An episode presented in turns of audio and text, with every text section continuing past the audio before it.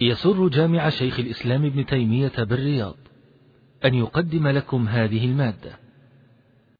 فيه وعيد لكن من نظر إلى نفسه وعيوب نفسه وشغلته عيوب نفسه والتفت إلى معائبها وإلى تقصيره وإلى ما يقع فيه من الذنوب إذ ذنوبه كثيرة فإنه ينشغل عن التكلم في الناس بل تكون همته في دعوة الناس وفي نصح الناس. لا تصيد المعايب لا يتصيد بل يكون قصده النصح. ولو كان فيه قصور وعلى هذا يكون سعى في إصلاح نفسه وإصلاح غيره. وفي حديث سهل بن سعد بين عليه الصلاة والسلام قال إياكم ومحقرات الذنوب فإن لها من الله طالب رواه أحمد وغيره. وفي حديث عائشة رضي الله عنها إياك ومحقرات الذنوب.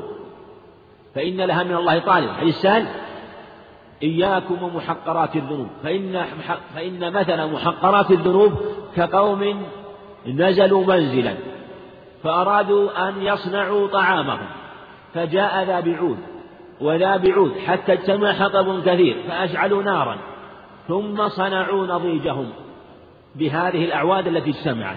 هكذا مثل الذنوب تجتمع حتى تهلكه. ولهذا إذا نظر لعيوبه من الأمور التي يقع فيها من الصغائر لوجد فيها شغلا عن غيره بأن يسعى في إصلاح نفسه ويكون نظر إلى غيره جهة النصح بالدعوة والإرشاد والتوجيه. نعم.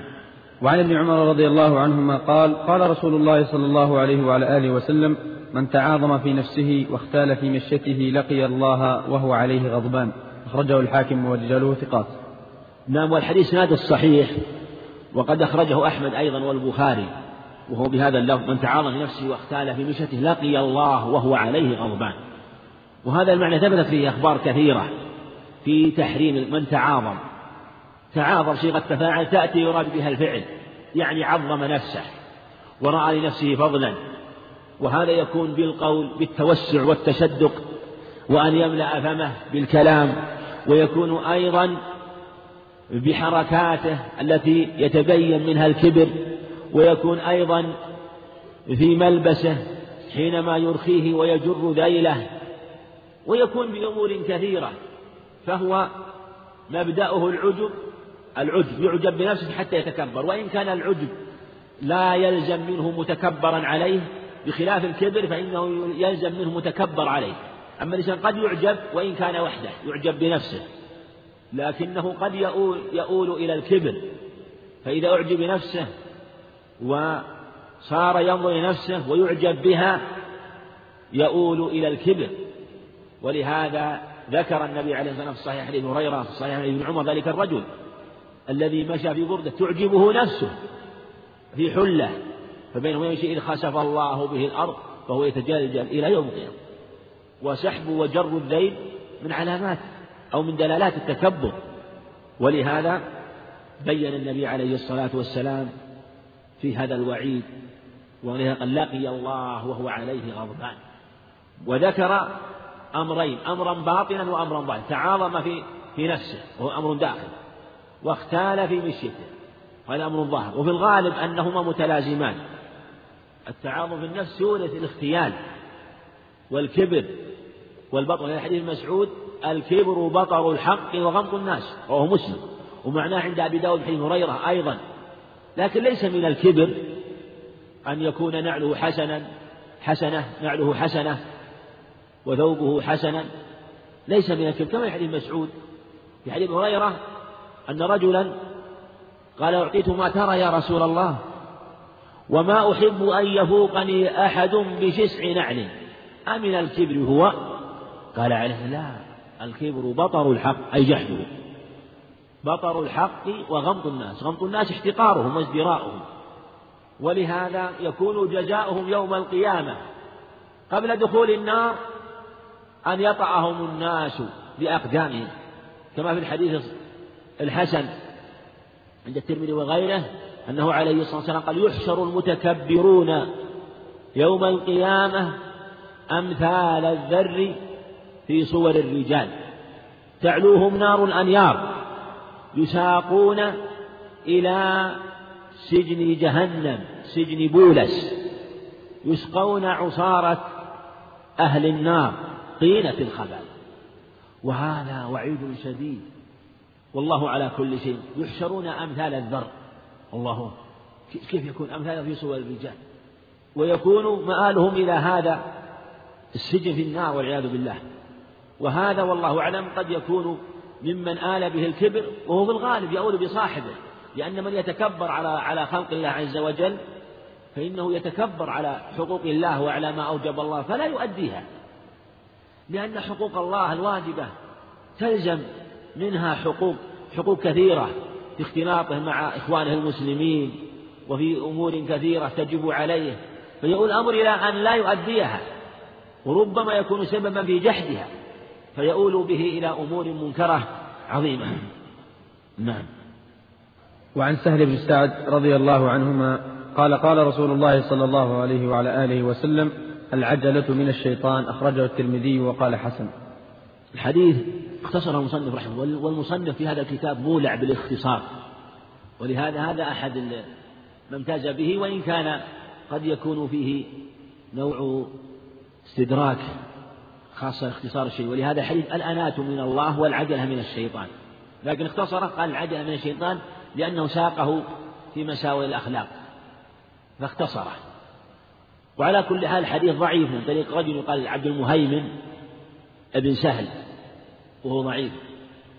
ابن سهل بن سعد الساعدي أبو, أبو العباس وهو ضعيف. لا أخ ثاني قال هبي ضعيف أيضا قد روى له البخاري متابع رحمه الله. لكن العجلة في الغالب مذمومة وجاءت مذمومة. وما أعجلك في القرآن وما أعجلك عن قومك يا موسى؟ وقول سبحانه خلق الإنسان من عجل. وقد تأتي على سبيل المدح في مواطن في قوله تعالى وعجلت إليك ربي لترضى في قول موسى عليه الصلاة والسلام لأنه عجل. وفي وقد مدحه الله في في هذا في هذا المقام. لكنها تأتي مذمومة في الغالب وهي إذا مدحت تكون في الحال الذي يترتب عليه ترك أمر هو حسن. ولهذا تذم في الغالب. كما قال النبي عليه الصلاة والسلام يستجاب لأحدكم ما لم يعجل. يقول قد دعوت قد دعوت فلم أرى يستجاب لي. صحيح صحيح الصحيح أيضا أن موسى عليه الصلاة والسلام قال وددنا أن موسى صبر. وفي لفظ لو صبر لرأى العجب لكنه عجل. عجل. والعجلة هو استعجال الشيء قبل وقته. والتواني والتأخر هو تفويته بعد وقته والسنة المبادرة لا استعجال ولا تواني والمبادرة هي الوسط فلا يفوت كما قيل وعاجز الرأي مضياع لفرصته إذا فات أمر حتى إذا فات أمر عاتب القدر فلا يفوت بمعنى يتأخر ولا يستعجل والاستعجال طلب الشيء قبل وقته. بمثابة من يستعجل الثمرة كما يقول القيم رحمه الله قبل وقتها. أما المتواني بمثابة من يتركها من يترك الفرصة حتى تفوت. وأمور الشرع وسط في مثل هذا. بمعنى أنه إذا كان وقتها فإنه يجتهد في تحصيلها. ولهذا أمر النبي عليه الصلاة والسلام بعدم الاستعجال في وقت تحصيل الفرصة. بعدم الاستعجال بتركها. يعني عندنا فرق بين الاستعجال في تركها وبين الاستعجال في استدراكها. فالاستعجال في طلبها منهي خلاف المشروع لأنه طلب لها قبل وقتها. كمثل من يستعجل ويبادر بالتبكير حتى يصلي قبل الوقت. لكنه إذا حصل وقت الفرصة فلا يستعجل فيها. بل عليه أن يتأنى. ولهذا يقول عليه الصلاة والسلام فيما إذا حضر طعام أحدهم فلا يعجل عنه. إذا قدم طعام فلا يعجل بمعنى أنه يأكل حاجته ولا يعجل لأن العجلة هنا يعني ولا يعجل إلى الصلاة. فلا يعجل إلى الصلاة فنهى عن العجلة وأمره بالإطمئنان. فلهذا كانت على هذه الصفة ربما كانت طيشا بخلاف التأني والمبادرة إلى الفرصة قبل فواتها. نعم. وعن عائشة رضي الله عنها قالت قال رسول الله صلى الله عليه وعلى آله وسلم الشؤم سوء الخلق. أخرجه أحمد وفي إسناده ضعف. الحديث ضعيف من بداية أبي بكر بن أبي مريم وهو مشهور بالضعف. شامل ضعيف رحمه الله. وقد رواه أبو داود أيضا من حديث رافع بن مكيث وهو أيضا ضعيف لأن فيه مجهولا. وهذه الأخبار التي ذكر مصنف رحمه الله دلت عليها الأحاديث الصحيحة والأدلة في الكتاب والسنة. في حسن الخلق وأن حسن الخلق لا يورث إلا يمنا وهدى وصلاحا. وهذا أمر واضح. وفي الأخبار الصحيحة غنية ومتواترة عن النبي عليه الصلاة والسلام في هديه في حسن خلقه والأخبار الكثيرة التي جاءت في هذا الباب. وفي حديث أبي الدرداء وغيره أن أن الإنسان بحسن خلق لا يدرك لا يدرك درجة الصائم القائم القانت بآيات الله. وأخبار في هذا الباب كثيرة. نعم. وعن أبي الدرداء رضي الله عنه قال قال رسول الله صلى الله عليه وعلى آله وسلم إن اللعانين لا يكونون شفعاء ولا شهداء يوم القيامة أخرجه مسلم. وهذا تقدم أيضا وهو في اللعانين وأن اللعانين وهو ما يكثر اللعن وأن اللعن محرم كما تقدم في الأخبار ولا ينبغي لصديق أن يكون لعانا. والأخبار التي سبق الإشارة إليها حديث ابن عباس وحديث أبي الدرداء وحديث في هذا الباب ولهذا قال لا يكون شفعاء. يعني لا يشفعون يوم القيامة حينما يشفع الناس في في قراباتهم وفي غيرهم فلا يشفعون لأن الجزاء من جنس العمل. فمن كان فاللعن ضد الشفاعة فلهذا يكون هذا جزاءه ولا شهداء اختلف في شهداء. قيل شهداء يعني لا يجوز أن يستشهدوا ولا تقبل لهم شهادة في الدنيا. وهذا وهذا واضح إذا علم وتبين فسقه باللعن لا تقبل شهادتهم لكن كأن والله أعلم قال يوم القيامة يعود إلى الجميع. كأن الشهداء مع الناس بتبليغ الرسل بأن أنهم بلغوا الرسالة وأدوا الأمانة فلا يشهدون. وهذا فضل عظيم من تأخر عنه فاته خير عظيم. ولهذا كان اللعن من أشد المحرمات.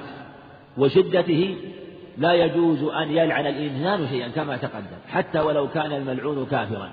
واختار جمع من أهل العلم أنه يجوز لعن الكافر الذي علم موته على الكفر مثل فرعون وأمثاله من صناديد الكفر أبي بن خلف وأبو جهل وأشباههم وابن كثير يستخدم هذا كثيرا رحمه الله في كتاب التفسير وفي النهاية وغيره من أهل العلم. يقع منهم هذا نعم. وعن معاذ بن جبل رضي الله عنه قال قال رسول الله صلى الله عليه وعلى آله وسلم من عير أخاه بذنب لم يمت حتى يعمله. أخرجه الترمذي وحسنه وسنده منقطع. بل سنده ضعيف جدا. ولا يكفي قوله منقطع رحمه الله. هو منقطع لأنه رواية خالد بن معدان وهو لم يدرك معاذ. لا شك أنه لم يدرك معاذ. معاذ تقدم تقدمت وفاته رضي الله عنه. وفيه أيضا علة محمد محمد الحسن بن أبي يزيد الهمداني وهو متروك منهم من اتهمه. الحديث ضعيف جدا من هذا الطريق من طريق آه، خالد بن معدان عن معاذ بن جبل رضي الله عنه. وجاء في حديث واثلة أيضا عند الترمذي لا تظهر الشماتة بأخيك فيعافيه الله ويبتليك وينظر في ثبوته. وهذا المعنى من جنس ما تقدم يعني من أن الإنسان حينما يعير أخاه بذنب هذا يدل على عدم النصح. لأن الواجب هو النصيحة لا التعيير والتعيير والإشاعة بالقول أمر لا يجوز وهذه سيئة والسيئة أخت السيئة والإنسان يبتلى بجنس السيئة التي وقع فيها من جهة أنه عير أخاه بهذا الذنب وربما يكون أخوه معذورا وهو لا يدري قد يكون تاب وقد يكون وقع هفوة ثم أيضا الواجب النصح حتى ولو فرض أنك تعلم أنها أصر فلا يجوز التعيير. ولهذا النبي عليه الصلاة والسلام قال إن زنت أمة أحدكم فليجلد حد ولا يثرب عليها. نهى عن التبكير. فلا يجوز. والنبي عليه الصلاة والسلام قال لما قال رجل في ذلك عبد وهو عبد الله حمارة ليلقب بحمار جاء عدة أخبار عند البخاري وغيره فقال رجل أخزاه الله. قال لا تعينوا الشيطان على أخيكم. وفي لفظ لعنه الله فلها نهى عليه السلام قال ما علمت أنه يحب الله ورسوله. وهذا يبين أن الواجب هو النصح. ثم الإنسان إذا أذنب في ذنب إن كان فيه حد وقد أقيم عليه حد فقد اتبعت التابعة. فإن تاب فاجتمع له مطهران وإن كان لم وإن كان ليس فيه حد فإن كان استتر به فلا يجوز إشاعته ولا يجوز تعييره بل الواجب أن تستره. وإن كان قد أظهره فالواجب أن يسلك معه ما يسلك مع أمثاله من نصحه وتوجيهه. فإن أصر على المجاهرة فلا يترك يعيث شر وفساد. أما التعيير فليس طريق إلى الإصلاح بل هو طريق إلى فساد وأن يزيد من الولوع بهذا المنكر وهذا الذنب حينما يعير به ويعلم أنه قد ظهر واشتهر وذنوب أهل الإسلام عيب في أهل الإسلام. فالواجب عليه يسترها. ولهذا يقول النبي عليه الصلاة والسلام كما روى عقبة بإسناد جيد عن عقبة بن عامر رضي الله عنه لما دعي إلى قوم وقيل إنهم يشربون الخمر فقال إن يبدو لنا أمر نأخذ به كما قال مسعود رضي الله عنه. ثم قال من رأى عورة فسترها فكأنما أحيا موؤودا. الله أكبر. شوف من رأى عورة نكرة في سياق الشرط يشمل كل عورة. هذا يبين أن هذه الذنوب عورات والعورات الواجب سترها. ولا أقبح من العورات بين أهل الإسلام. فالواجب الإنسان يستر عورته وأعظم العورات هو الذنوب لأن الله مطلع وحرمها. ثم تأتي أنت وقد يكون هذا الذي أذنب الستر فتعيره. فيكون ذنب الذي عير أعظم من الواقع فيها. وهذا قد يكون هو عين الإصابة في الذنب أو فعل الذنب لأنه يكون إثمه أعظم وربما يؤول به أن يقع في أن يقع في مثل هذا الذنب. فلهذا جاء النهي عنه. نعم. وعن بهز بن حكيم عن أبيه عن جده قال قال رسول الله صلى الله عليه وعلى آله وسلم ويل للذي يحدث فيكذب ليضحك به القوم ويل له ثم ويل له أخرجه الثلاثة وسنده قوي. حديث بهز بن حكيم عن أبيه عن جده تقدم أنه إسناد حسن بهز بن حكيم. بنسخة مثل عمرو بن شعيب ونص العلماء على أنه إذا صح السند إلى بهز فهو إسناد صحيح وهو حديث صحيح وهي حجة. وقد جاء بهذه النسخة أحاديث كثيرة نسخة بهز بن حكيم عن أبيه عن جده معاوية بن حيدة حكيم بن معاوية بن حيدة القشيري رضي الله عنه. وهذا الحديث ويل للذي يحدث ليضحك به القوم فيكذب. ويل يحدث فيكذب ليضحك به القوم ويل له ويل له. هذا وعيد شديد. في من يحدث الحديث ويكون كاذبا لأجل يضحك به القوم وأن هذا أمر محرم. مثل ما تقدم لأنه كذب. ولأنه اتخذ الكذب وهو محرم وسيلة إلى أمر آخر. قد يكون محرم وقد يكون اتخذ المباحات جعل وسائل المباحات أمورا محرمة.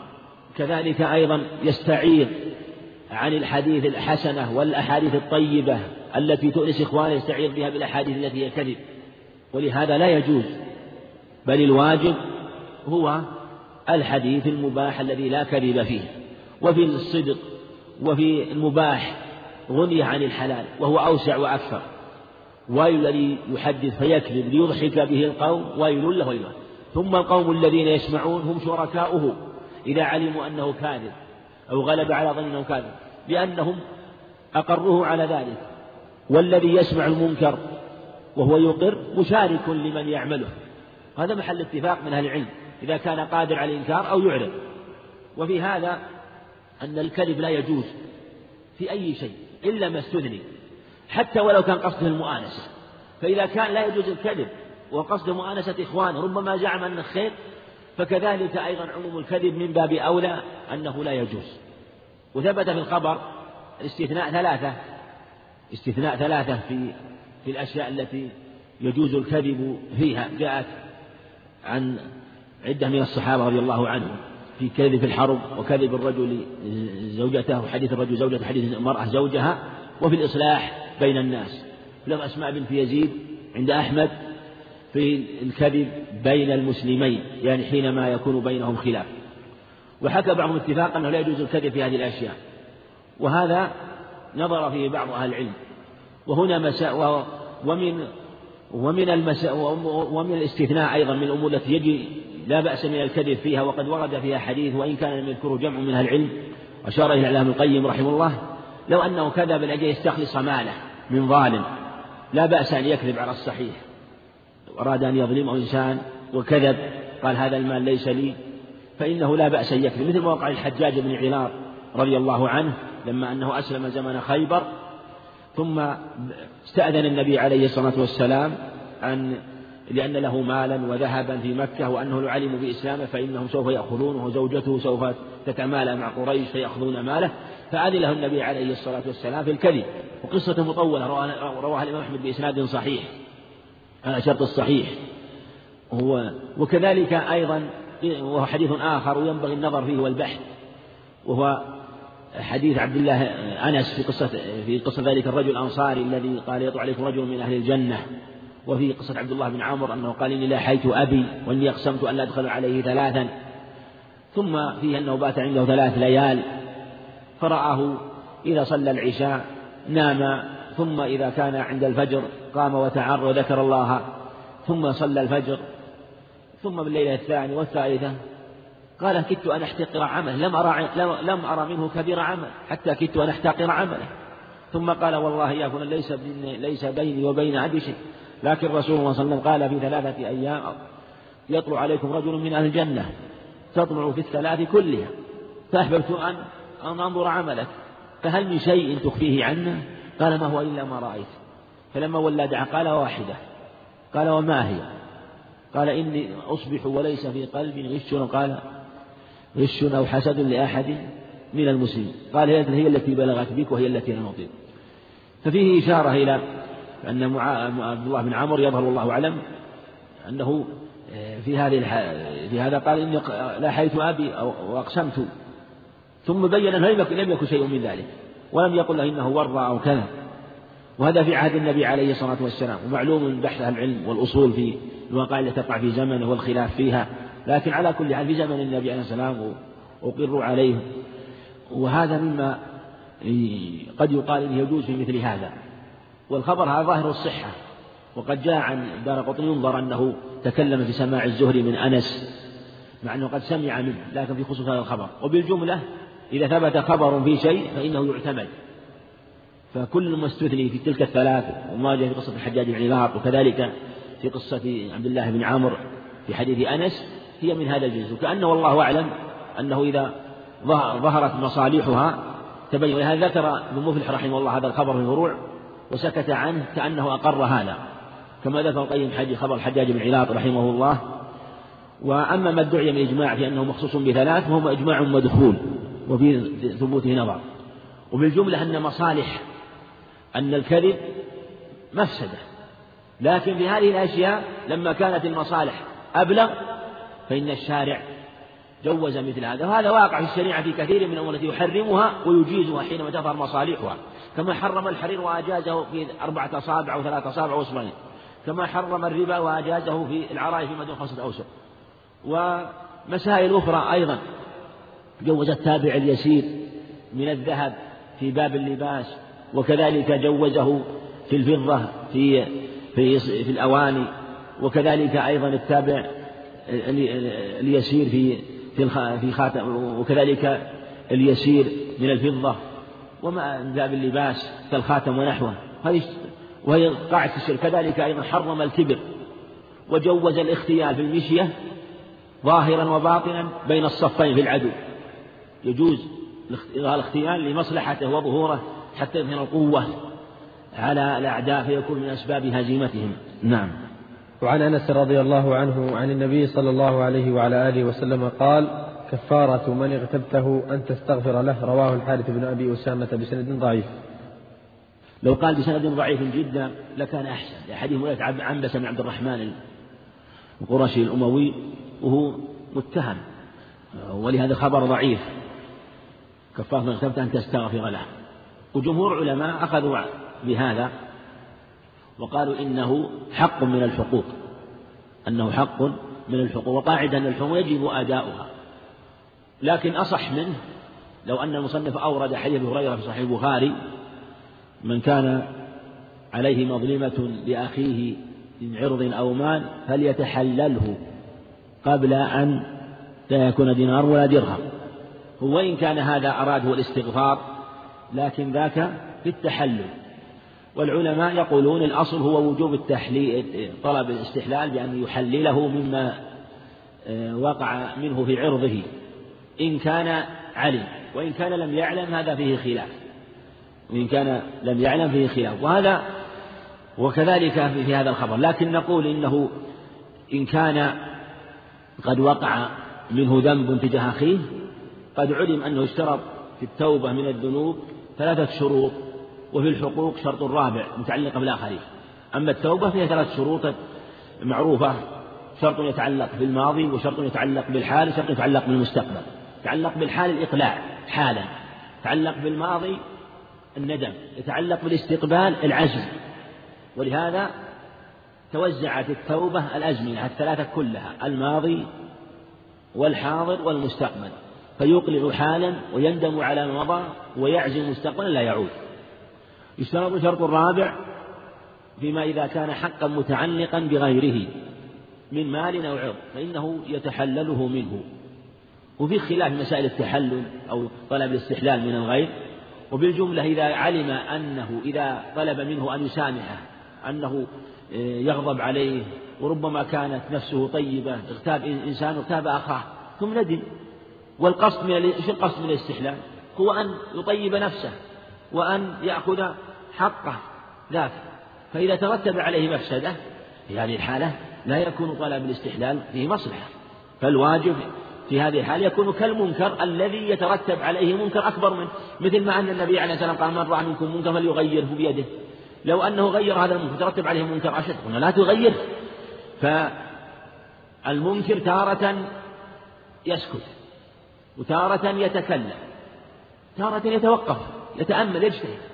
كذلك أيضا في مثل هذه يترتب عليه أنه يغير قلبه فإنه يستغفر له ولا يبلغ بذلك.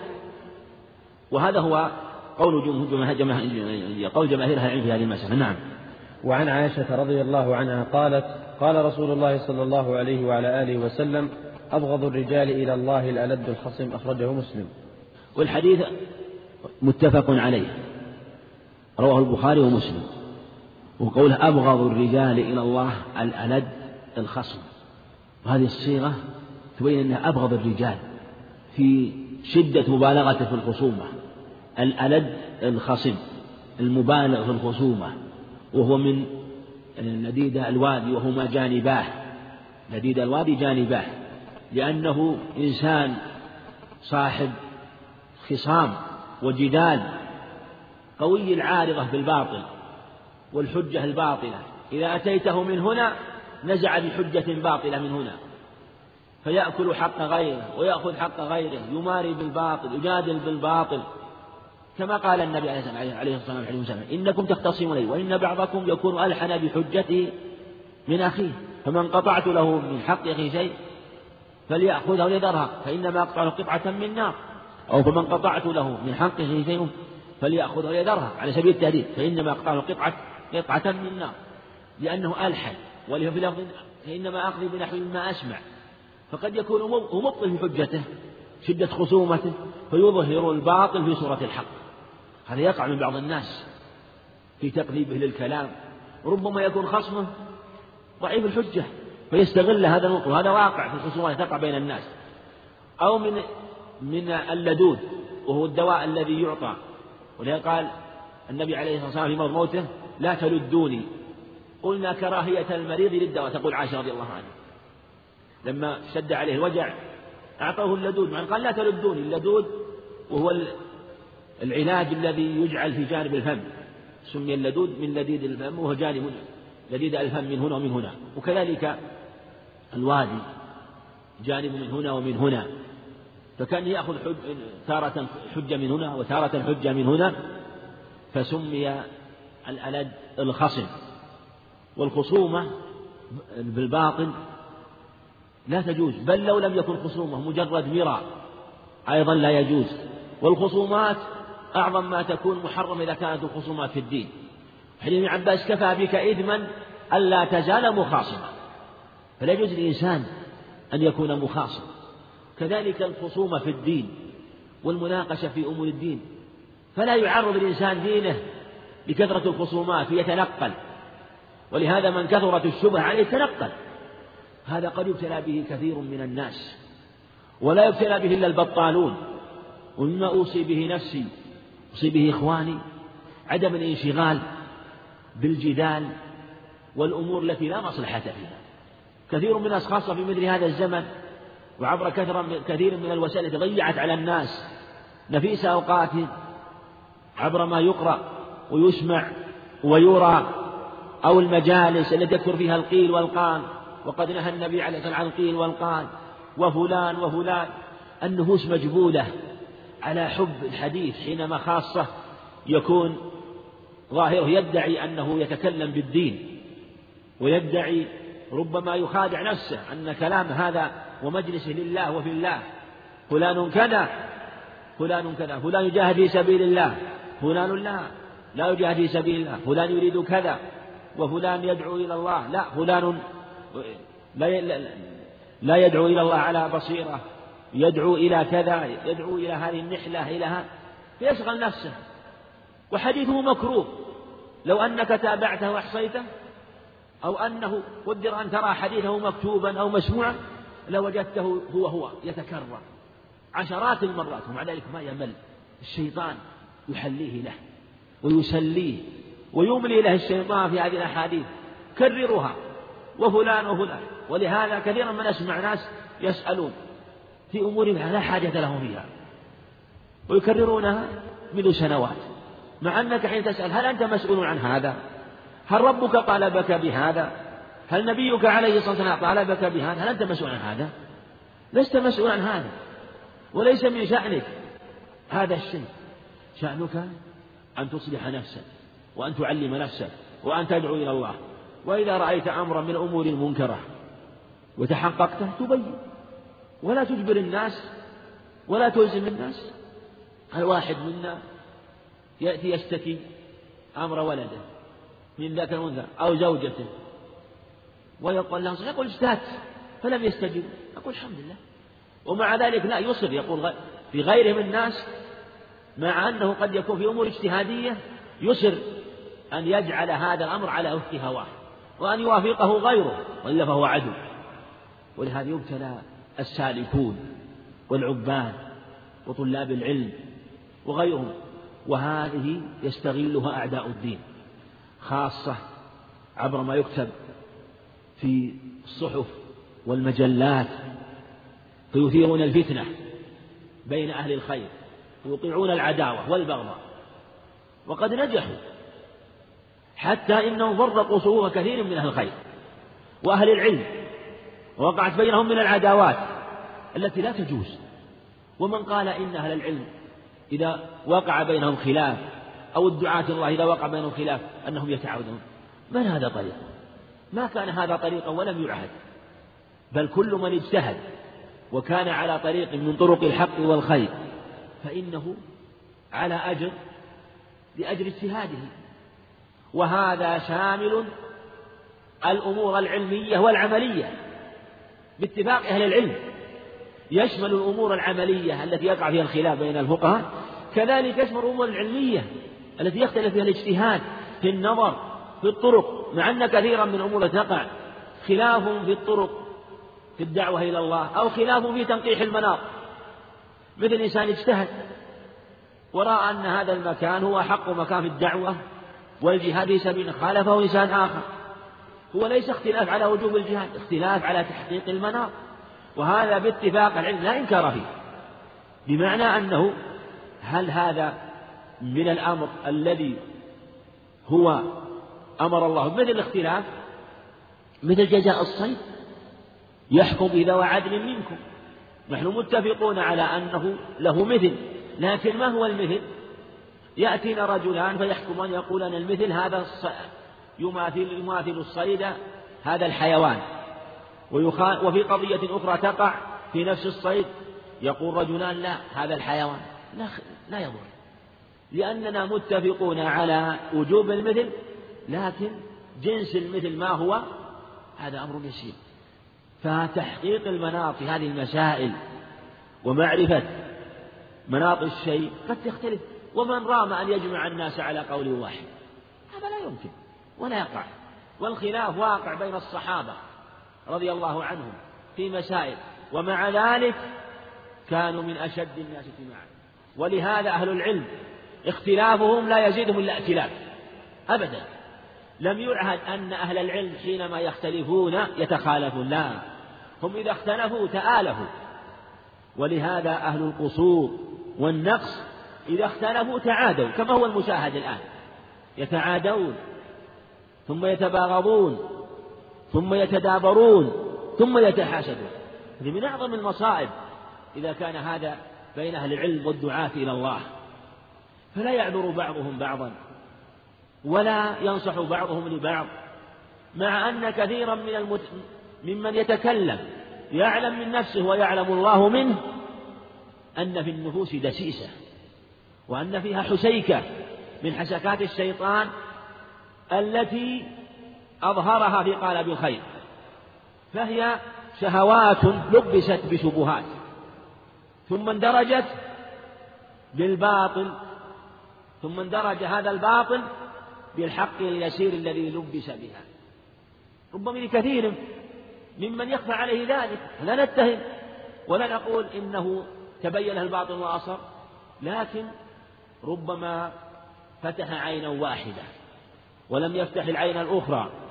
والواجب على طال الحق أن يفتح العينين البصيرتين فيبصر ويرى الخير والشر فيحكم بما يكون أصلح وأنفع أسأله سبحانه وتعالى يدلنا إياكم على طريق الهدى والصواب ويجعل إياكم من يستمعون القول فيتبعون أحسنه بمنه وكرمه آمين وصلى الله وسلم وبارك على نبينا محمد. أحسن الله إليكم وهنا بعض الأسئلة. يطلب هذا السائل يا فضيلة الشيخ الدعاء فإنه يشتكي من السحر ومن المس. أسأل الله أن يرفع ما به. يشتكي من السحر والمس. يسأل الدعاء. يقول فضيلة الشيخ السلام عليكم ورحمة الله وبركاته. وعليكم السلام ورحمة الله وبركاته. أخونا يسأل الدعاء مصاب نسأل الله سبحانه وتعالى مني وكرمه في هذا المقام العظيم وفي هذا المجلس المبارك أسأله بمنه وكرمه لي وله ولجميع إخواني الحاضرين أسأله سبحانه وتعالى بأسماء الحسنى وصفاته العلى أسأله منه وكرمه وجوده وإحسانه كما أن رحمته في السماء أن يجعل رحمته في الأرض وأن ينزل شفاء من شفائه ورحمة من رحمته. بمنه وكرمه وعافيته على أخينا هذا وعلى سائر إخوانه علينا وعلى سائر إخوانه نسأله ذلك منه وكرمه. آمين إنه جواد كريم. نعم. وهذا يسأل فضيلة الشيخ أن كثرة الكذب بين الزوجين يفقد الثقة فهل هناك ضابط يضبط المسألة؟ هذا صحيح. هو ليس معنى كثرة الكذب حتى يكشف. الإنسان إذا أكثر الكذب لا تصل له قيمة إنما يكون كالملح في الطعام. أنا الملح في الطعام إذا وضعته كثير يفسد الطعام. وإن أخليته من الطعام من الملح كذلك أفسد الطعام. فلا غلو ولا تقصير حتى في الكذب. ولا غلو ولا تقصير حتى في الملح. لا يزيد ولا ينقص بل يكون وسط. أما إذا كان كل ما دخل اشترى له حازة مثلا بخمسين ريال قال شريته بألف ريال. وجاء بعد المغرب ألفين ريال. كل ما صار يزيد. هذا يصير كلامه لا قيمة له. يعني مكشوف عندها. وربما لا يكون بل ربما لو صدق لا تصدقه. ربما لو صدق لا تصدقه. وهذا يقع أيضا. فعليه أن يكون عند الحاجة عند الحاجة. كذلك المرأة هو ليس مقصور على الزوج. حتى الزوجة في نفس الحديث هي إذا حدثت زوجها وأرادت أن تستميل قلبه فلا بأس بذلك. تقول أنت من أحب الناس إلي وأنت ليس هناك مع أنه تكرهه من قلبها. كذلك هو يقول أنت من أحب الناس لي مع أنه يود فراقها لكن لا يحيله ربما لا يقل على عليها. فلهذا لا بأس أن يقول هذا الكلام أو أن تقول هذا الكلام لأجل الجمع والتأليف. نعم. وهذا يقول أحسن الله إليكم. في الماضي كنت أغتاب كثيرا وأستهزئ بالناس ولكن من الله علي عز وجل بالهداية ولا أعلم كم عددهم ولا أتذكرهم فماذا علي؟ الحمد لله. إن كنت لا تعلم فالله يعلم سبحانه وتعالى. لا يكلف الله نفسا إلا وسعها. لا يكلف الله نفسا إلا ما آتى فاتقوا الله ما استطعتم. قال النبي الكريم عليه والسلام إذا أمرتكم بأمر فأتوا منه ما استطعتم. فنقول عليك أن تدعو الله لهم وأن تستغفر الله لهم على الجملة. فإذا دعوت فأنت ولله الحمد على خير. حينما تدعو لهم يرجى أن يدعو لك الملك. بهذا إن شاء الله. نعم. نعم. لا هو هو هو, نقول إذا كانت لا تعرف الأشعار ربما إذا كانت لا لكن إذا كان هو يعلم أنها أنها تعلم كذبة في الشيء الواضح الصريح يعني كذب صراحة فهو بين أمرين. إما أن يعلم أنها تقبل الكذب لكونه يعني يغليها بالكلام لأن لأن المرأة قد تقبل من زوجها أن يغليها بالكلام وإن كان في الباطن ليس على كذا. وهذا واقع واقع بين الرجال والنساء. المجاملات والمداراة بالقول قد تقع وإن كان كل منهم يعلم أنه ليس على ما هو عليه. وبالجملة كما مستثنى ولله الحمد. مستثنى يعني أن أن يكذب أن يكذب عليها صراحة. الطبري وجماعة من العلم يقولون إن الكذب في هذا المراد به التورية. هذا ليس بصحيح. بل المراد به التو... المراد به الكذب صراحة. أما التورية لا بحث آخر. التورية تجوز التورية تجوز على الصحيح في أمور كثيرة. كان أحد السلف أظنه الأعمش أو النخعي يأتيه يأتيه بعض طلابه أو بعض زملاء أو بعض أصحابه فكان لا يريد أن يجلس معهم يكون مشغول.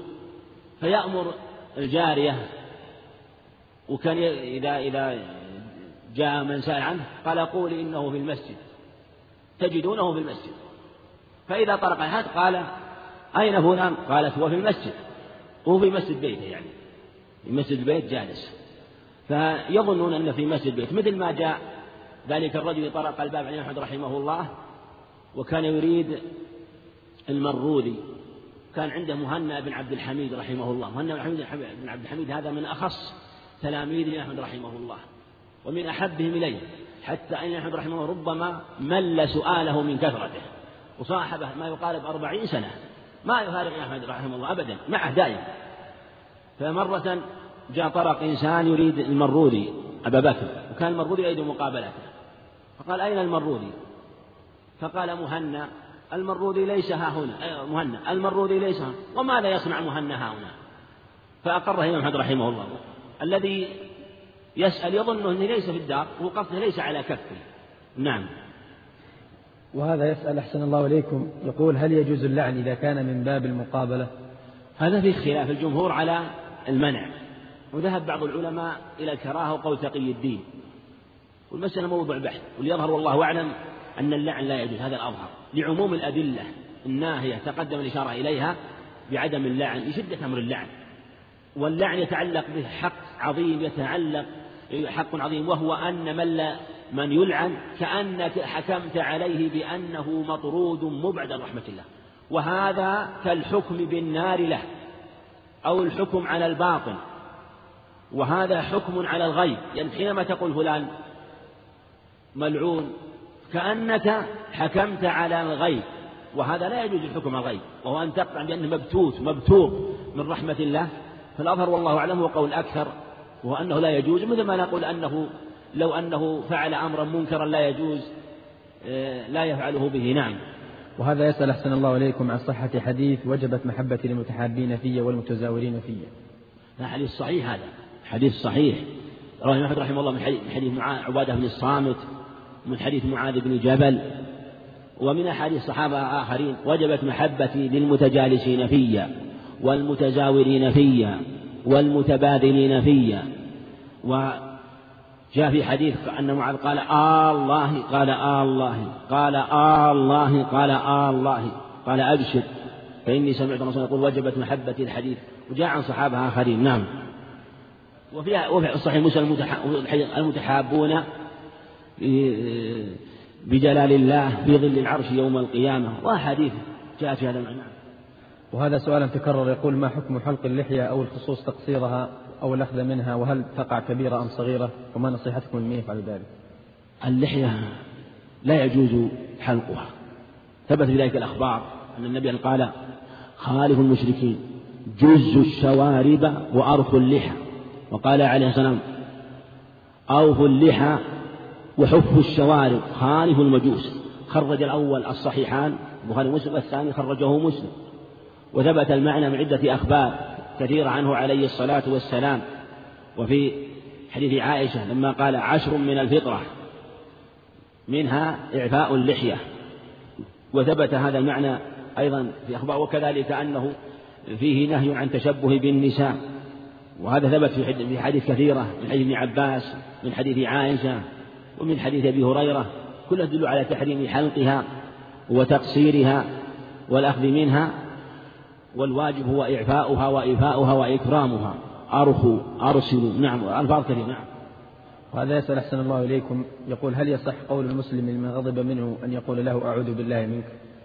إذا كان قال أعوذ بالله منك لا بأس. من استعاذ بالله يعيده مثل ما قال النبي عليه الصلاة والسلام. عمر فإذا قال أعوذ بالله وكان استعاذته على حق خشي أن يؤذيه خشي أن يعتدي عليه فلا بأس. من استعاذ بالله لكن إذا أعوذ بالله أن تلزموني بهذا وهو حق من الحق الواجب عليه هذا لا يجوز. نعم. وهذا يسأل أحسن الله إليكم يقول ما الفرق بين الحديث الضعيف والحديث الضعيف جدا؟ الضعيف هو الذي يكون في سنده إنسان يكون ضعفه محتمل مثل ابن لهيعة ومثل علي بن زيد بن جدعان والذي يكون ضعيف جدا الذي يكون فيه متروك مثل ما تقل عنبسة بن عبد الرحمن. وأمثاله من المتروكين. وفي ناس اختلف فيهم مثل إبراهيم بن يزيد الخوزي وأمثاله. فالضعيف جدا يقرب من مثل حديث المتروك حديث المتروك. وأشد منه الموضوع أو الساقط. نعم. وهذا يسأل أحسن الله إليكم عن صحة حديث بورك لأمتي في بكورها. هذا مختلف فيه. ولا الصخر وداعة الغامري رواه الإمام أحمد وغيره. واللي يعلم في سنده جهالة. لكن له طرق منهم من جوده. في بعضها بورك لأمتي في بكورها يوم الخميس. ومختلف فيه. وجاء ذكر الخميس في في بعض الأخبار. لكن هذا الخبر مثل ما جاء وكان وكان إذا أخذ تجارة يعني بادر بها. فالمقصود أن آه، أنه يمكن بالنظر إلى يعني إلى الأسانيد أن يكون باب حسن لغيره. وفي حديث رواه ماجه أيضا لكن سند ضعف أنه عليه الصلاة والسلام مر على فاطمة وهي نائمة فحركها برجله ثم قال إن الصبحة تمنع الرزق. الصبحة تمنع الرزق وهو عدم البكور وهو ضعيف لكنه قد يكون في الشواهد نعم. وهذا يسأل أحسن الله عليكم عن صحة حديث أن أشد الناس عذابا يوم القيامة من قتل نبيا أو قتله نبي. هذا صحيح. هذا حديث صحيح. صحيح البخاري. ذكره في قصة أبي بن خلف. إن أشد الناس رجل قتل نبيا أو قتله نبي. وأظنه جاء عن صحابيين. المقصود موجود الصحيح. نعم صحيح البخاري. نعم. يقول يقول هذا السائل ما حكم لعن اليهود والنصارى وما حكم لعن من لعن الله ورسوله؟ وهل يدخل في باب اللعانين لا يكونون شفعاء؟ الله سبحانه يقول لعن الذين كانوا بني إسرائيل على لسان داود وعيسى بن ذلك من عصوا وكانوا يعتدون. كانوا لا يتناهون عن منكر فعلوه. لبئس ما كانوا يفعلون. فالكفار عموما يجوز لعنهم. الكفار عموما اتفق العلماء على جواز لعن الكفار إنما الخلاف التعيين التعيين. قال قال النبي لعنة الله على اليهود والنصارى اتخذوا قبور أنبيائهم مساجد صحيح قاتل الله اليهود والنصارى. ثبت من حديث ابن عباس ومن حديث أبي هريرة. الصحيحين هذا المعنى. وجاء في أخبار عدة أيضا. والقتل معنى اللعن. وجاء صريح اللعن لعموم الكفار. فاللعن على العموم جائز. وكذلك مثل اللعن على الوصف مثل لعنة الله على الظالم ألا لعنة الله على الظالمين. إنما خلاف في خصوص اللعنة على المعين آه، في الكافر وكذلك المسلم الفاسق على خلاف في كما تقدم وإن كان اللعن المعين ينبغي تركه أو يجب تركه على ما تقدم. نعم. وهذا يسأل أحسن الله إليكم أن عن عن النكت التي تقال بين الناس ولا ندري هل هي كذب أم لا. هل تدخل في حديث ويل للذي يحدث الناس فيكذب في حديثه؟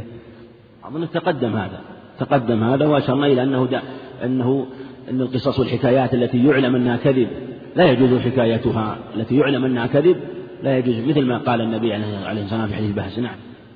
وهذا يسأل أحسن الله عليكم من حكم لعن إبليس؟ لعن إبليس هذا فيه فيه خلاف. في حديث رواه أحمد رحمه الله أن رجل كان رديفا للنبي عليه الصلاة والسلام على حمار فسقط فقال تعس الشيطان.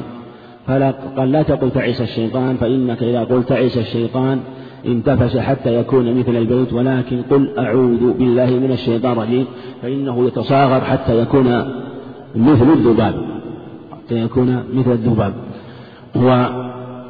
وجاء في حديث أيضا ذكره دار قطني في العلل رحمه الله وظاهر إسناد الصحة في ذكر اللعن في ذكر اللعن والنهي عن اللعن والنهي عن اللعن هو بالجملة الأخبار التي جاءت بالأمر بالتعوذ منه ثبت في صحيح مسلم حديث الدرداء أنه عليه الصلاة والسلام كان يصلي فعرض له الشيطان في صلاته فقال ألعنك بلعنة الله ألعنك بلعنة الله ألعنك بلعنة الله. وقال أراد أن يقطع علي صلاته هذا مما يدل على أنه يجوز لعنه. وجاء في حديث عائشة عند النسائي في الكبرى أن النبي قال أخذته فخنقته حتى وجدت برد لعابه على يدي على يدي. يعني خنق الشيطان وجد برد لعابه على على يدي. ذكر تقي الدين وغيره في ساته الفرقان وأنه دفعه بيده ودفعه بالفعل وبالقول. وكأنه الله أعلم يظهر والله أعلم يجوز لعن الشيطان حينما يتطاول شره زيادة على الوسوسة. إذا هذا اللي يظهر والله أعلم. الأخبار التي جاءت وهذا التفصيل إذا تأملته لعله جيد وحسن أنها جاءت فيما إذا تطاولت شره زيادة على الوسوسة مثل أن يكون عرض. الشيطان الشيطان بوسوسته مع إيذائه بالفعل فهذا يدفع شره بالتعوذ منه وبلعنه. ومن ذلك أيضا حينما يتلبس فلا بأس مثلا إذا تعرض أو تمثل مثل ما جاء عن النبي عليه الصلاة والسلام. وإن كان الأولى والأتم هو التعوذ بالله من شره هو الذي جاء في الأخبار وهو الذي جاء في الأحاديث وهو الذي جاء في استفتاح القرآن. في التعوذ من الشيطان من وسوسته وتوهيم هذا وأسأله سبحانه وتعالى لي ولكم التوفيق والسداد لكل خير مني وكرم. آمين وصلى الله وسلم وبارك على نبينا محمد. نعم بسم الله. بسم الله الرحمن الرحيم. الحمد لله وحده والصلاة والسلام على من لا نبي بعده. أما بعد قال المؤلف رحمه الله باب الترغيب في مكارم الأخلاق. وعن ابن مسعود رضي الله عنه قال قال رسول الله صلى الله عليه وعلى آله وسلم عليكم بالصدق. فإن الصدق يهدي إلى البر وإن البر يهدي إلى الجنة وما يزال الرجل يصدق ويتحرى الصدق حتى يكتب عند الله صديقا وإياكم الكذب فإن الكذب يهدي إلى الفجور وإن الفجور يهدي إلى النار وما يزال الرجل يكذب ويتحرى الكذب حتى يكتب عند الله كذابا متفق عليه. الحمد لله رب العالمين والصلاة والسلام على نبينا محمد وعلى آله وأصحابه وأتباعه بإحسان إلى يوم الدين. ذكر المصنف رحمه الله في هذا الباب جملة من الأخبار التي تحث وتدعو إلى مكارم الأخلاق ومحاسن الأعمال. وقد كان النبي عليه الصلاة والسلام يدل على ذلك بقوله وفعله. ومكارم الأخلاق من تخلق بها لزم منه أن يجتنب دنيئها وسفسافها. ومن اجتنب دنيئها وسفسافها لزم أن يتخلق بمكارم الأخلاق. لكن قد يكون في الإنسان أخلاق من الأخلاق الحسنة وربما خالط أو واقع بعض الأخلاق السيئة فعليه أن يهتدي بهديه عليه الصلاة والسلام ويطلع على سيرته وما كتب في ذلك في شمائله صلوات الله وسلامه عليه لأنه أعظم معين على العمل بهذه الأخلاق الحسنة.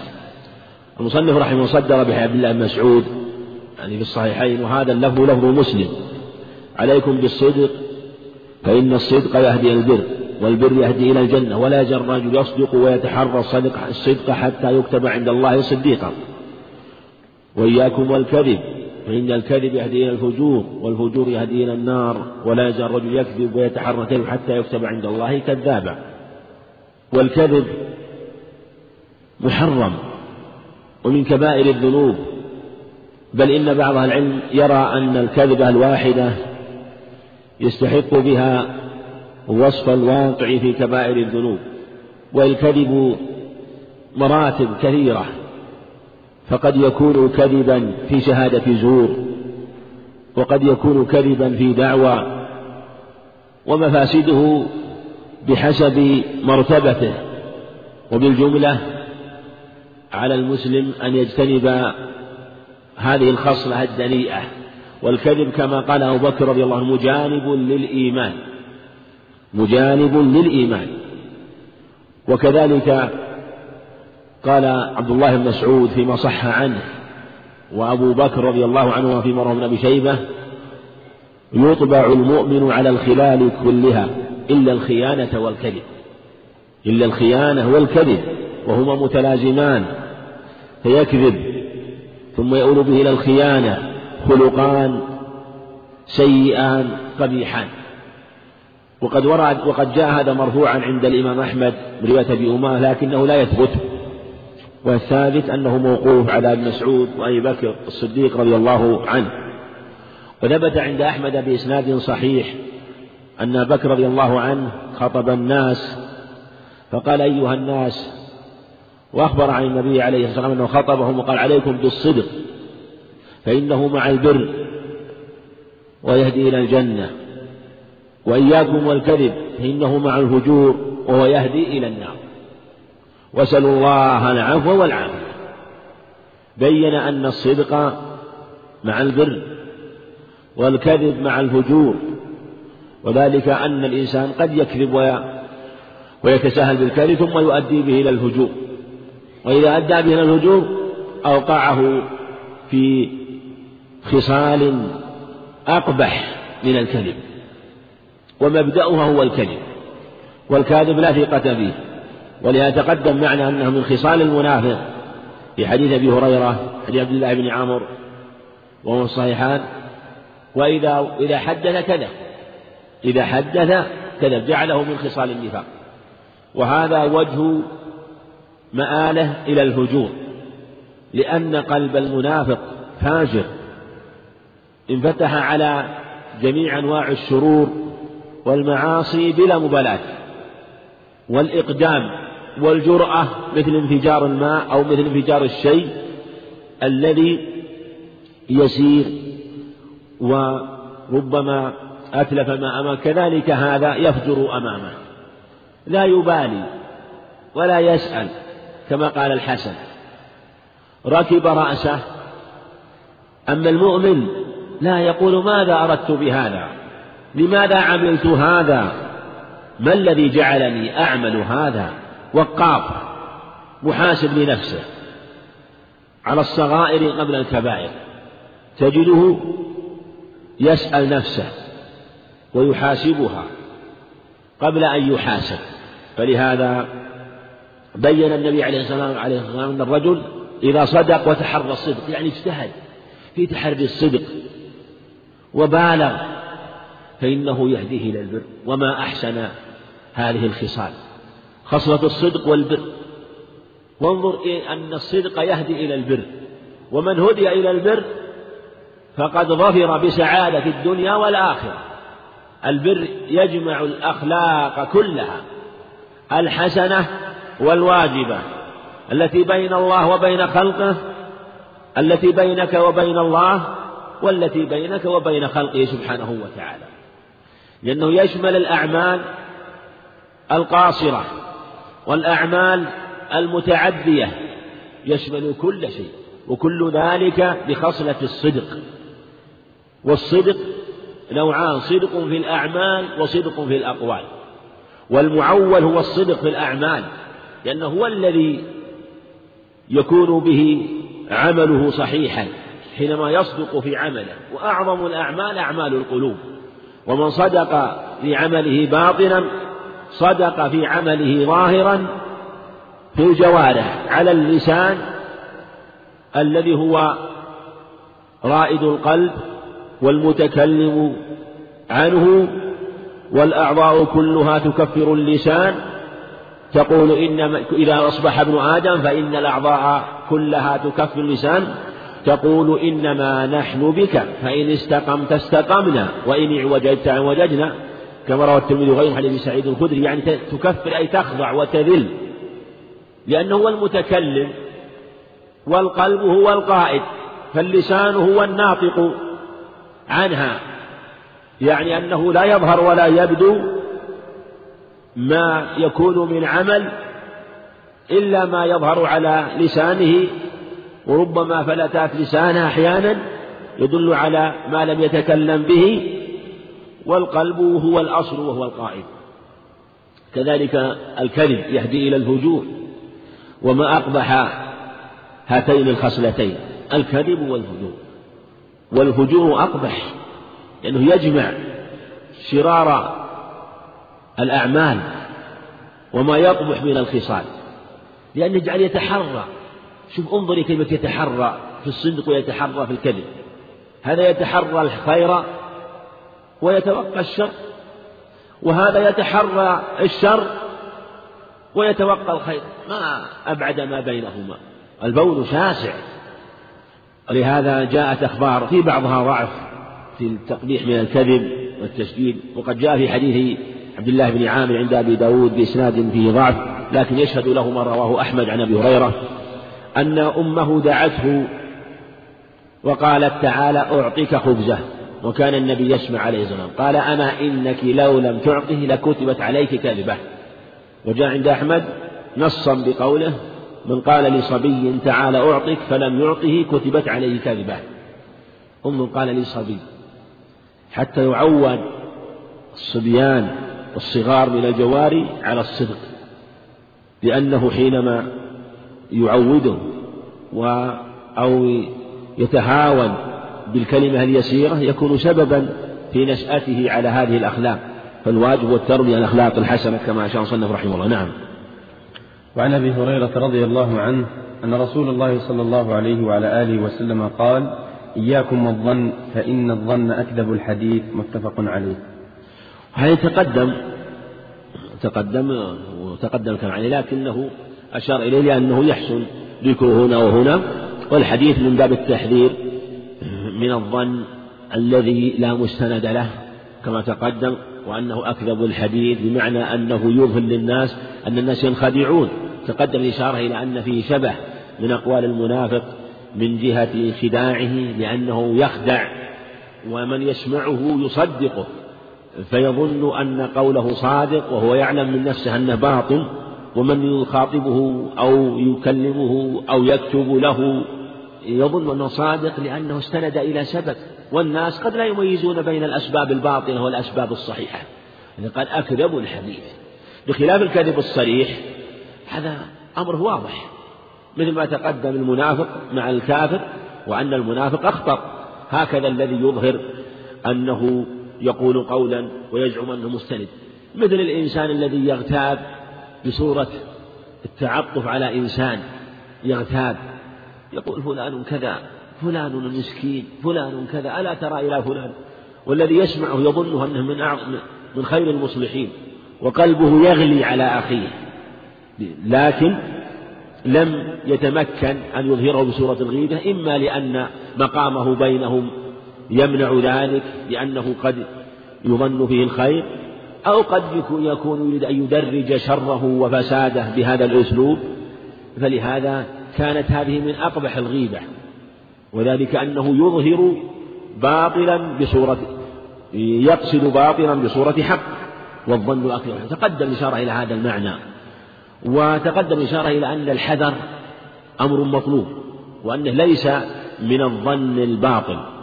وقد تقدم معنا في الأخبار أنه عليه الصلاة والسلام عمل بالظن الذي يستند إلى دليل وكذلك الحذر.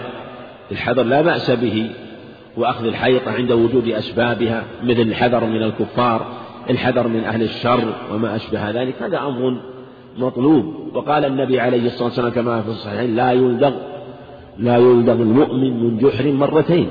وهذا يبين يحترس. وجاء في خبر أيضا في هذا الباب رواه أبو داود أنه عليه الصلاة والسلام قال أرسل رجلا من الصحابة إلى عمرو بن الفغواء الخزاعي إلى أهل مكة بعد الحديبية أو بعد فتح مكة بعد فتح مكة إلى أبي سفيان بمال لبعض لبعض آه، المساكين في مكة أعطى أرسله إلى أبي سفيان لكي يقسمه عليه وأرسل عمرو بن الفغوار الخزاعي إلى مكة فقال له النبي عليه الصلاة والسلام انظر من يصحبك فقال عمرو بن حضرم أو عمرو بن ميه الحضرمي فجاء إلى النبي عليه الصلاة والسلام فقال من؟ قال فأخبر أنه أن معه أن معه عمرا فقال عليه الصلاة والسلام إذا إذا انتهيت إلى دار قومه فاحذر فإنه كما قيل أخوك البكري لا تأمنه. من أمثلة العرب. ثم لما جاء ووصل إلى قريبا من بلاد قومه قال إن لي حاجة إلى أهلي أو قومي فانتظرني فقال نعم قال فتذكرت قول النبي عليه الصلاة والسلام ثم شددت رحلي فاعترض لي هو وقومه ثم أسرعت ثم لما فتهم جاء إلي فقال إنما كانت لي حاجة إلى قومي قال قلت نعم. ثم ذهب. القصة في ضعيفة في إسنادها لكن الشاهد فيها من جهة أن أخذ الحذر آه، عند أسبابه أمر مطلوب وحملنا وحمل عليه ذاك الأثر احترسوا الناس بسوء الظن وهو ضعيف. كما تقدم وأنما إنما ثابت مقطوعا على مطرف عبد الله بن الشخير هو ما أشبه. ولهذا المؤمن عليه أن إذا لم يكن هنالك أسباب لسوء الظن فلا يجوز. هذا هو الأصل. يعني تارة الأحوال ثلاثة. تارة تارة عندك آه، أشياء تستند إليها في سوء الظن. مثل إنسان من أهل الشر والبدعة والفساد. هذا يجب التحذير منه. مثل أهل البدع. فالإنسان ما يقول والله نحسن الظن بأهل البدع وأهل الضلالات وأعداء السنة. هذا ما يجوز الثقة بهم بل يجب الحذر منهم والتحذير منهم. يجب الحذر والتحذير منهم. ولا يقول نحسن بهم الظن. هذا إفساد. ولا يحسن بهم الظن بمعنى أنه يحسن باطلهم أو ما هم عليه. أما أن يدعوا إلى الله وأن يجتهد في دعوتهم هذا أمر واجب. لكن فرق بين إحسان الظن بهم على وجه تكون مصلحته منغمرة في مفسدته وبين دعوته. الحال الثاني أن تظهر أسباب تدعو إلى حسن الظن. وهذا هو الأصل وهو الواجب. وفي هذه الحال تعين. الحال الثالث تجهل الأمر مثل مسلم مستور هذا لا يجوز أن تسيء به الظن. لا يجوز أن تسيء به الظن بل تحمله على حسن الحال. بل إنك لو رأيت منه عورة وجب عليك أن تسترها ما لم يكن متهتكا. مظهرا للشر والفساد في من يجب إظهاره حتى يدفع شره ويحصل خير ذلك. نعم. وعن أبي سعيد الخدري رضي الله عنه قال قال رسول الله صلى الله عليه وعلى آله وسلم إياكم والجلوس في الطرق إياكم والجلوس في الطرقات. قالوا يا رسول الله ما لنا بد من مجالسنا نتحدث فيها. قال فأما إذا أبيتم فأعطوا الطريق حقه. قالوا وما حقه؟ قال غض البصر وكف الأذى ورد السلام والأمر بالمعروف والنهي عن المنكر. متفق عليه. حديث هريرة أو حديث أبي سعيد رضي الله عنه حديث فيه وصايا عظيمة وفي دلالة على لا بأس أولا من الجلوس في الطرقات بعد وإن كان الأولى هو اجتناب وإن قال إياكم في اللفظ الآخر عند مسلم ما لكم ولمجالس الصعودات ما لكم منه إياكم والطرقات. قالوا ما لنا بد من مجالس. قال فإن أبيتم إلا الجلوس في إلا المجلس فأعطوا الطريق حقه قال وما حقه قال غض البصر وكف الأذى ورد السلام والأمر معروف والنهي عن المنكر هذه وصايا عظيمة في هذه الشريعة. الإنسان يخرج من بيته على قدميه وعلى سيارة يعلم أن عليه حقوقا وأن له حقوق وهذه كثير من الناس يغفل عنها. يظن خروجه من البيت مثل أي خروج. لا الإنسان الإنسان مكلف ليس كالبهيمة.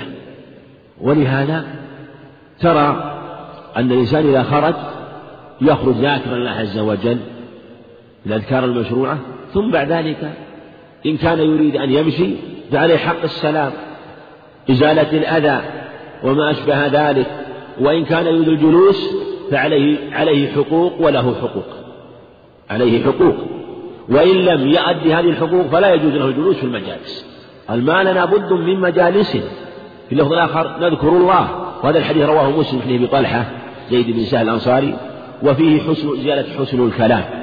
ورواه أبو داود أيضا من حديث أبي هريرة وفيه إرشاد الضال يعني زيادة إرشاد الضال. ورواه أيضا أبو داود من حديث عمر رضي الله عنه وفيه إغاثة الملهوف وأن تهدوا الضال. حديث هريرة إرشاد السبيل والمعنى واحد إرشاد السبيل وفي حديث عمر تهدوا الضال وكان تضيف الملهوف. وجاء هذا المعنى أيضا من حديث شريح خويلد بن عمرو خزاعي عند أحمد بإسناد ضعيف ومنه قال غضوض البصر يعني فيه مبالغة. وهذه كلها حقوق تجب على من أراد الجلوس في الطريق. والأخبار جاءت أخبار عدة فيها خصال أكثر من هذا لكن الشأن أن هذه الخصال يجب أن يعمل بها. فإن لم يعمل بها فلا يجوز له.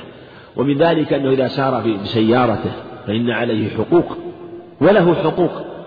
وأمر الطريق والجلوس فيه من الأخبار الشيء الكثير وبسط أهل العلم وبينوه لكن إشارة إلى شيء مما اشتمل عليه هذا الخبر وقول إياكم كان فيه إشارة إلى أن الأولى هو عدم التعرض وعدم الجلوس. وذلك أنه قد لا يسلم من إتباع البصر والنظر إلى المحرمات وكذلك عدم القيام بالحقوق الواجبة عليه. لكن إذا كان أبى إلى المجلس فالواجب عليه هذه الحقوق. غض البصر هذا أمر واجب لأنه يمر يعني في الطريق والطريق له حقه لكنه هو في مكان في فناء آه، ولم يضايق لكن عليه أن يعتني بهذا وغض البصر. وكف الأذى هذا واجب على كل حال باللسان وبالقول. وفي حديث ذر الصحيحين أنه أمره قال فإن لم يفعل قال يكف أذى فإنه عليه صدقة أو فإن له به صدقة. هذا يبين أن كف الأذى نوع من الفعل. اختلف العلماء هل الترك فعل أو ليس بفعل؟ وظاهر النصوص والأدلة أنه فعل. وهذا من حكمة هذه الشريعة ومن رحمتها. أن جعلت نفس الكف يؤجر عليه.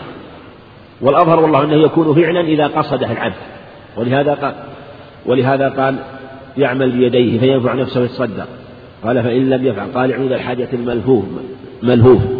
وقال فإن لم يصنع أو فإن لم يفعل. قال يكف عن الشر فإنه له به صدقة. جعله صدقة. وهم سألوه أولا ماذا عليه؟ فدل على أن نفس الكف فعل قد ورد فيه بعض الأدلة من الكتاب والسنة يدل على هذا المعنى. لكن الشان في كونه يكف أذاه وأنه به صدقة أو عليه صدقة بذلك ورد السلام. وهذا فيه تأييد لما تقدم معنا أن الجالس له له الحق وأن المار هو الذي يسلم. ولو ولو مر جمع كثير على قليل فإن الحق للقليل ما داموا جالسين. أما قوله والقليل على الكثير فإنه مخصوص بغير الجالس. فالجالس مثل ما تقدم المار على المار على الجالس أو الماشي على الجالس والظاهر أنه يشمل ما إذا كانوا قليلا كثيرا على قليل أو كبيرا على صغير قول الكبير على الصغير يعني غير الجالس ولهذا جعله حقا عليهم حقا آه، أن حقهم هو أن الحق الذي عليهم قال هو رد السلام. دل على أنهم لا يلزمهم السلام. وهذا وهذا واضح لأن الذي يجلس آه، له مزيتان. أولا أنه جالس ولو أمر بمراعاة من يمر لشق عليه ذلك. والمار أمره متيسر الأمر الثاني أن المار مع الجالس بمثابة الداخل على الإنسان في مجلس. ومن دخل على قوم فإن السلام مشروع عليه. مشروع مشروع في حقه. هو الذي يسلم. لا لا لا يبدأ بالسلام من هو جالس يسلم من الداخل وهذا معروف الأدلة. وله معروف والنهي عن المنكر. وكذلك سائر الخصال. الأخرى التي وردت في الأخبار المتقدمة. نعم. وعن معاوية رضي الله عنه قال قال رسول الله صلى الله عليه وعلى آله وسلم من يرد الله به خيرا يفقهه في الدين. متفق عليه. نعم كذلك تقدم الخصلتان الأخيرتان الأمر معروف والنهي عن المنكر هذه من أعظم الخصال أيضا حتى لا تفوت الأمر معروف والنهي عن المنكر. وهذه من الأشياء التي تجعل الإنسان حينما يكون في مجلس أو في مكان أن عليه حقوق. وهذا الأمر في كل مكان في مجلس يأتي في دعوة يدعى إليها في مناسبة زواج. فإذا كان هذا في المناسبات العامة فكذلك أيضا في جلوسه أو في ذهابه إلى الأسواق أو الطرقات فالواجب عليه أن يؤدي الحق. وهذا حق أعظم من تلك الحقوق لأنه مترتب عليه دفع شر وفساد وتحسين مصلحة وهو الأمر معروف والنهي عن المنكر.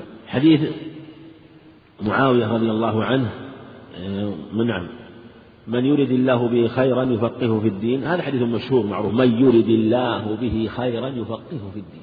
قال العلماء مفهومه منطوقه الفقه في الدين. من فقه في دين الله فإن الله أراد به خيرا. ومفهومه أن من لم يتفقه لم يرد لم يرد الله به خيرا. في رواية عند أبي يعلى ومن لم يتفقه لم يبل به أو لم يبالي الله به باله لكن هذه الزيادة لا تصح. رواية رجل قال وليد محمد موقري وهو متهم. بزيادة لا تصح. لكن ما صحيح من جهة هذا من جهة مفهومها. وثبت هذا مع ابن عباس عند الترمذي أيضا. أنه عليه الصلاة قال من يرد الله به خيرا فقهه الدين. وعند أحمد بن ماجه حديث هريرة بإسناد صحيح. من يرد الله به خيرا يفقهه في الدين. الأخبار عن الصحابة في هذا كثيرة عن معاوية الصحيحين حديث ابن عباس وحديث أبي هريرة المتقدم.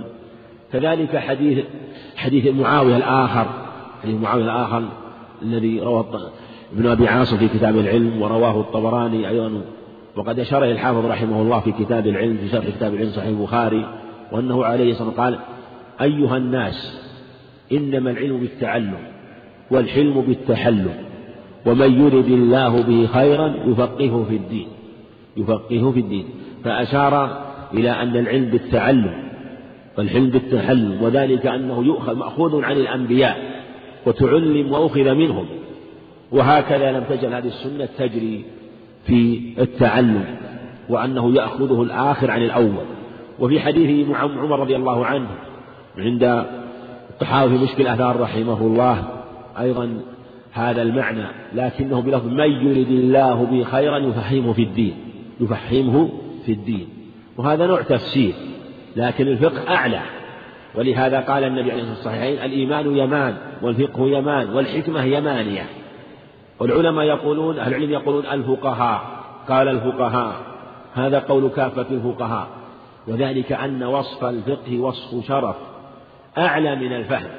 الفقه أعلى. لأن الفهم لأن كل فقيه فهو فاهم أو فهما وليس كل من فهم كان فقيها.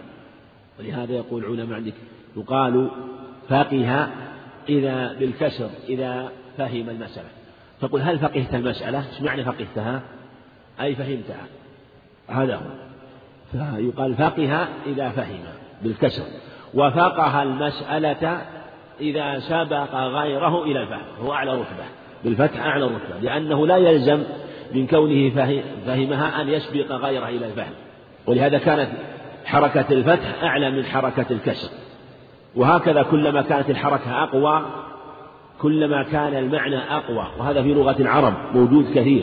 ترى أن المعنى يزداد فيما ازداد مبناه بحركة أو زيادة. فلما زادت حركتها وكانت أقوى من حركة الكسر فتح أقوى من حركة الكسر صار المعنى فيها أقوى. ففهم وسبق غيره. أما بالضم فقها بالضمة والضمة تملأ الفم وهي أقوى الحركات أقوى الحركات. وربما مع مبالغة يتولد منها واو فقها يعني إيش معنى فقها أي صار الفقه له سجية. صار الفقه له سجية. معنى الآن ليس مسألة أنه فقه أو فقه لا فقها. صار من سجيته الفقه والفهم. وهكذا ترى في كلمات مثل عز يعز عز يعز عز يعز. فهذه الكلمات تأتي كثيرا في لغة العرب وتأتي أيضا في بعض الحروف. ترى الحروف التي هي حروف سهلة ترى أن معانيها سهلة مثل الهاء والواو والياء حروف اللين. وترى أن الحروف التي فيها قوة مثل الحاء والجيم فيها للمعاني قوية. الحروف التي فيها يبوسة للمعاني التي هي يابسة مثل الحجر الخشب لكن الهواء الماء وما أشبه ذلك تجد هذه الأشياء التي معانيها لطيفة وهذا سر في لغة العرب لا يكاد يوجد في لغة غيرهم من جهة أن المعاني قوالب وأن الألفاظ قوالب للمعاني من جهة تركبها منها وسعة وسعة دلالتها بحسب سعة اللفظ من جهة الحركة أو من جهة نفس الحرف في قوته أو لينه. نعم. وعن أبي الدرداء رضي الله عنه قال قال رسول الله صلى الله عليه وعلى آله وسلم ما من شيء في الميزان أثقل من حسن الخلق. أثقل من حسن الخلق أخرجه أبو داود والترمذي وصححه حديث أبي الدرداء حديث صحيح وله شواهد.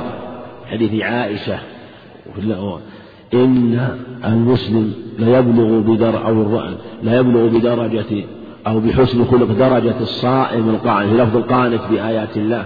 هذا المعنى فيه أخبار كثيرة عن النبي عليه الصلاة والسلام في حسن الخلق. وفيه أنه أثقل شيء في ميزان العبد يوم القيامة. وذلك أن حسن الخلق يهدي إلى الأعمال الحسنة. وكان النبي عليه الصلاة والسلام كما تقدم يدعو الله عز وجل ويسأله أن يهديه لأحسن الأخلاق والأعمال.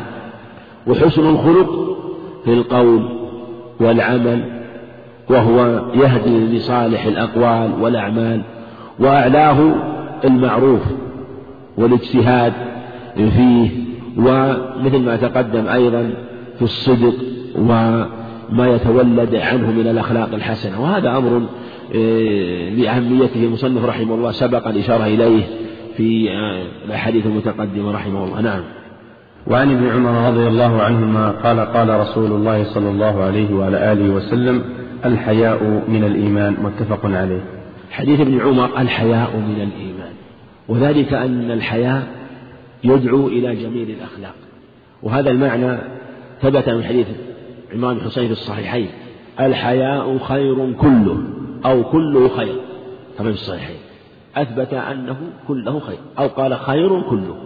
ليس في الحياء شيء يكون شرا. وهذا مراد بالحياء الشرعي كما سيأتي. ولما أنه افترض عليه بشير بن كعب أنكر عليه وقال إن نجد أن منه كذا وكذا فأنكر عليه رضي الله عنه وبين أنه كما قال النبي عليه الصلاة والسلام وفي حديث أبي هريرة بإسناد حسن محمد بن عمرو عن أبي سلمة عن أبي هريرة رضي الله عنه الحياء من الإيمان والإيمان في الجنة والبذاء من الجفاء والجفاء في النار ضد الحياء البذاء وكذلك حديث أبي أمامة الآخر وحديث صحيح أيضا. الحياء والعي شعبتان من الإيمان والبذاء والبيان شعبتان من النفاق.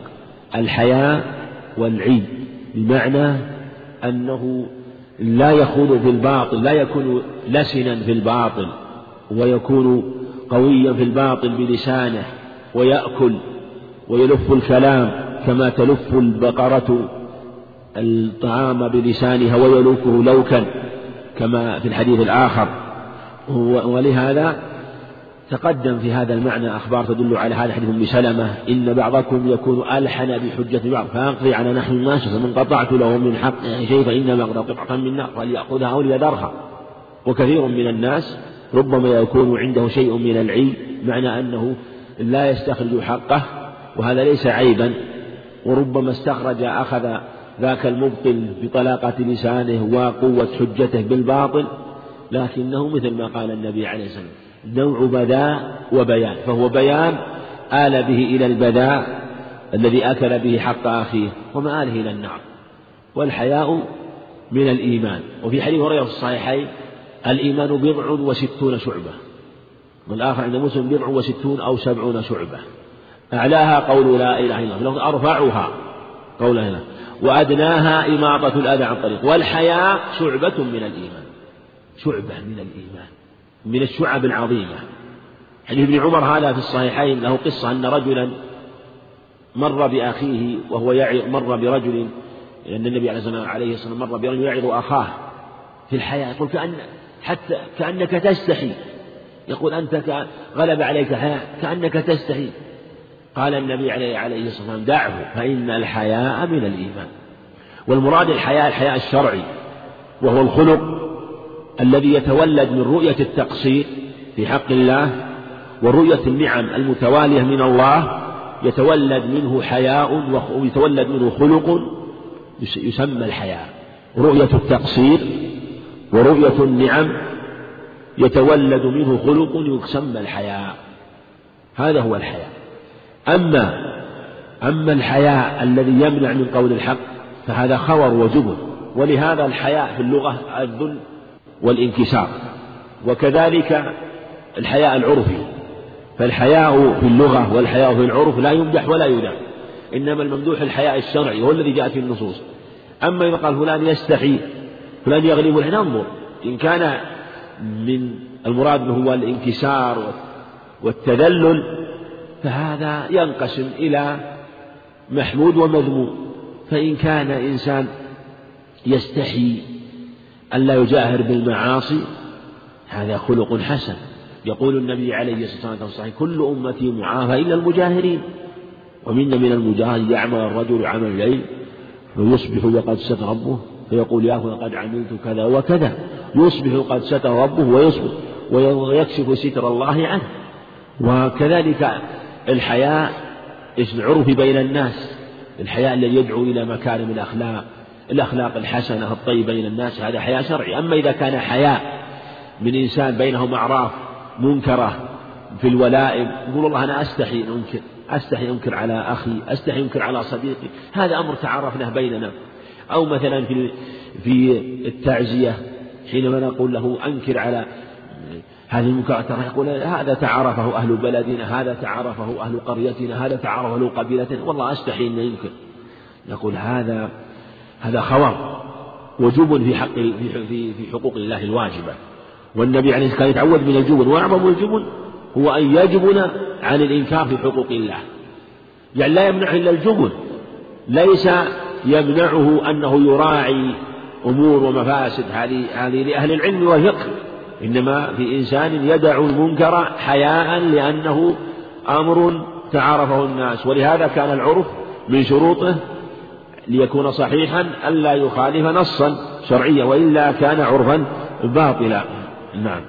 وعن أبي مسعود رضي الله عنه قال قال قال رسول الله صلى الله عليه وعلى آله وسلم إن مما أدرك الناس من كلام النبوة الأولى إذا لم تستحي فاصنع ما شئت. أخرجه البخاري. حديث ابن مسعود أبي حديث ابن مسعود عقبة بن عمرو رضي الله عنه. أبي مسعود حديث أبي مسعود عنده نعم. عقبة بن عمرو. رضي الله عنه إن ما أدرك الناس من كلام النبوة الأولى. حقيقة الكلمة الأولى بأن أعرفها في صحيح البخاري منذ زمن بعيد.